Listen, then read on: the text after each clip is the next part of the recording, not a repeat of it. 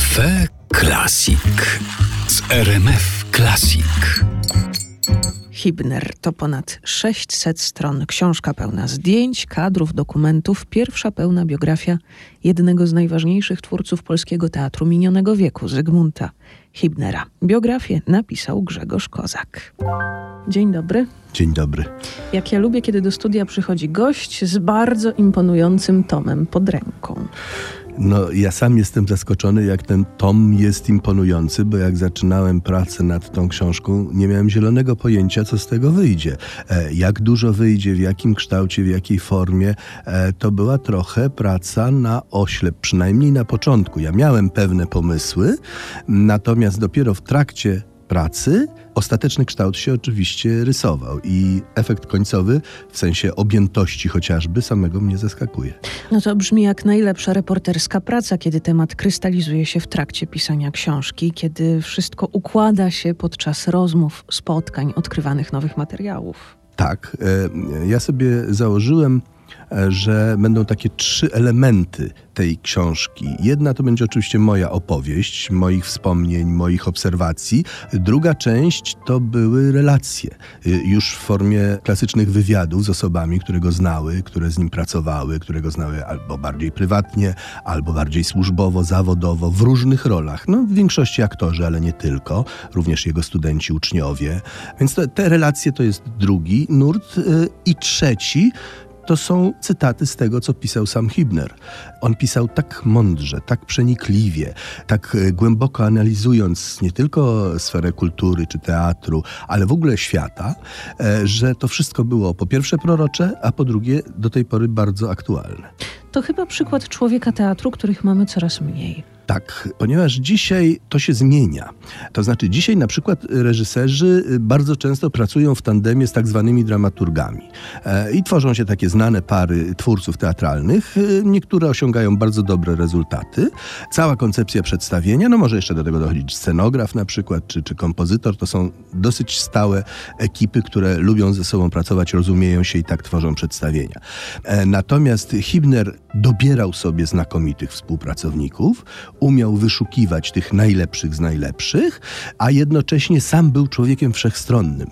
I chociaż nie był scenografem ani plastykiem, to wiedział dokładnie o jaką oprawę plastyczną przedstawień mu chodzi, chociaż oczywiście nie był muzykiem, to w mojej książce wspomina to m.in. Stanisław Radwan, wiedział dokładnie jaka muzyka jest do, do przedstawienia potrzebna i tak dalej, i tak dalej. W związku z tym on był rzeczywiście człowiekiem, pani powiedziała, człowiek teatru. On napisał książkę Wojciech Bogusławski, Człowiek teatru i ja próbuję porównywać w jaki sposób e, Hibner był do Bogusławskiego podobny właśnie przez to, że był i aktorem, i reżyserem, i dyrektorem teatru, tak jak Bogusławski był, no to się inaczej wtedy nazywało, ale on był szefem trupy.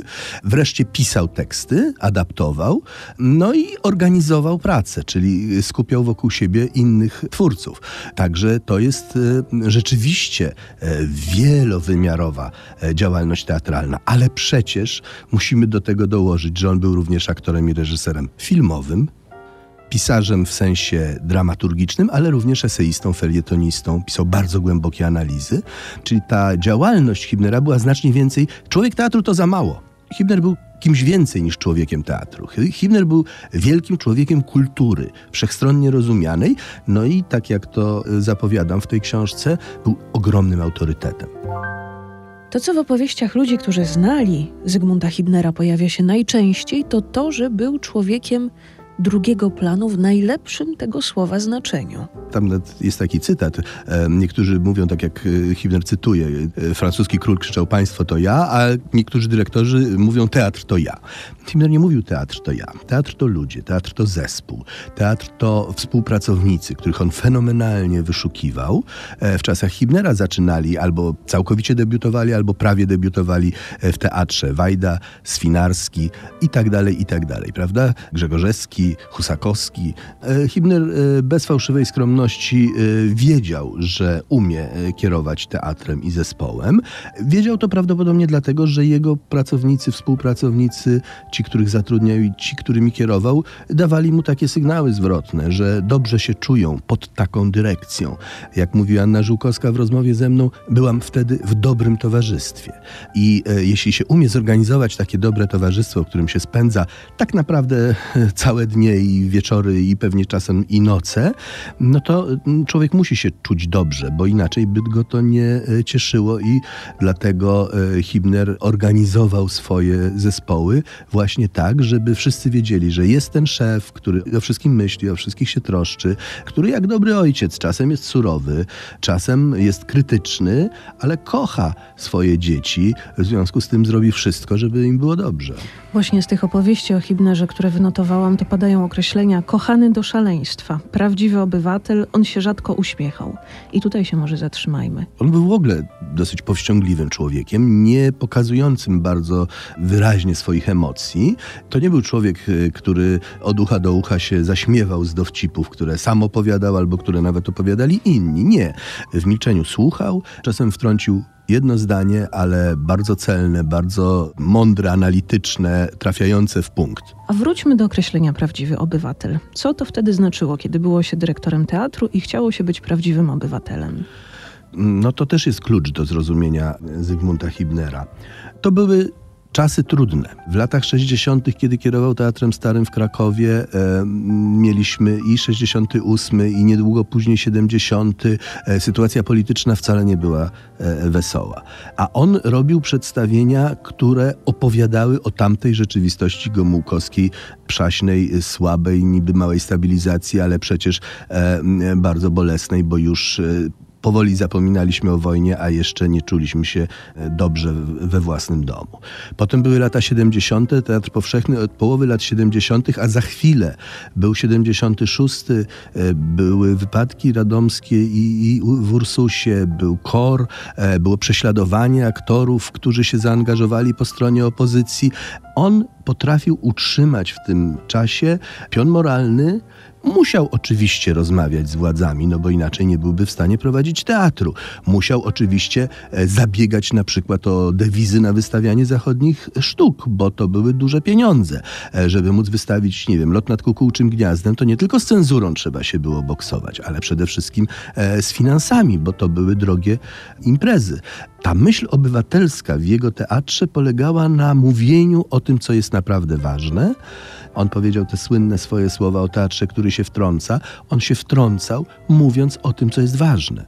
To było to myślenie obywatelskie. Wtedy nie mówiliśmy o społeczeństwie obywatelskim. To jest e, określenie znacznie późniejsze, ale on marzył, żeby teatr e, był zalążkiem takiego społeczeństwa, które o sprawach obywatelskich myśli. Kafe Klasik w RMF Klasik. Takie miałem marzenie, żeby to była opowieść o pewnych czasach, pewnych zjawiskach w kulturze, które mnie wówczas dosyć młodego człowieka kształtowały, fascynowały, pewien sposób myślenia o świecie budowały. Jak czytam o niektórych przedstawieniach, które widziałem, to sobie je bardzo dobrze przypominam i to jest taki rodzaj wzruszenia z powrotu do lat y, młodości. I jeszcze jak czytam też o pewnych przedstawieniach, których nie widziałem, strasznie żałuję, że ich nie mogłem zobaczyć. I tak mi brak tego, że to jest takie ulotne. Z drugiej strony to jest oczywiście cała magia i piękno teatru polega na tym, że on się dzieje tu i teraz i wychodzimy z teatru, zapada kurtyna i to się już e, nie da tego odtworzyć, bo każdy dzień jest inny, każde przedstawienie jest inne, każdy aktor, nawet jeśli jest rutyniarzem, to potrafi inaczej grać tę samą rolę przez wiele, wiele wieczorów. E, Zygmunt Hibner napisał e, sztukę Ludzie cesarza. To się odnosi do antyku, to byli ludzie cesarza Nerona, trzy postacie, które przybierały trzy zupełnie różne postawy życiowe wobec państwa, wobec polityki, wobec władzy. Ta sztuka była wystawiana w Warszawie, w Gdańsku, w Krakowie. Nie on ją reżyserował, inni twórcy. Pomysł Hibnera, autora, polegał na tym, że na końcu publiczność ma ocenić, czyje racje wygrywają. E, w jednym przedstawieniu to się odbywało przez wrzucanie tam, kulek do, do pudełka, w innym przez podnoszenie rąk po prostu. W każdym razie e, na końcu miało być wiadome, która z tych postaw jest dla tej widowni najcenniejsza, najmądrzejsza, najlepsza, najwłaściwsza. I w tym samym teatrze, z tymi samymi aktorami, każdego dnia te wyniki były różne, właśnie ze względu na to, że przychodziła różna publiczność. To też fantastyczne badanie natychmiastowej reakcji odbiorców. Rzadkie w teatrze, a on z wielkim wyczuciem sceny, dramatu, kontaktu z publicznością właśnie tak to skonstruował umiał do tej publiczności dotrzeć.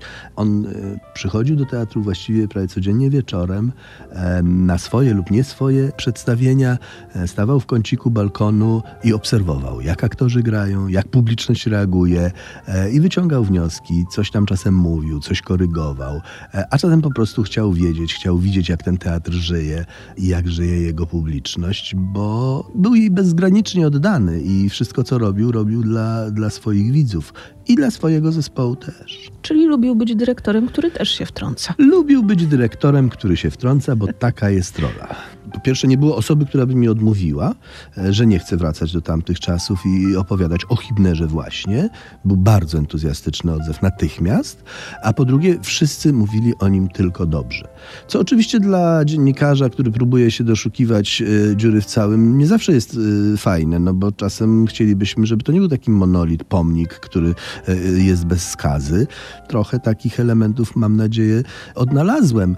Natomiast myślę, że ta umiejętność konstruowania zespołu i polityki re repertuarowej na rzecz teatru, a nie siebie samego, to jest to, co go od bardzo wielu dyrektorów i twórców teatralnych odróżnia. Ta umiejętność y, stania w drugim rzędzie, bo to nie ja jestem najważniejszy.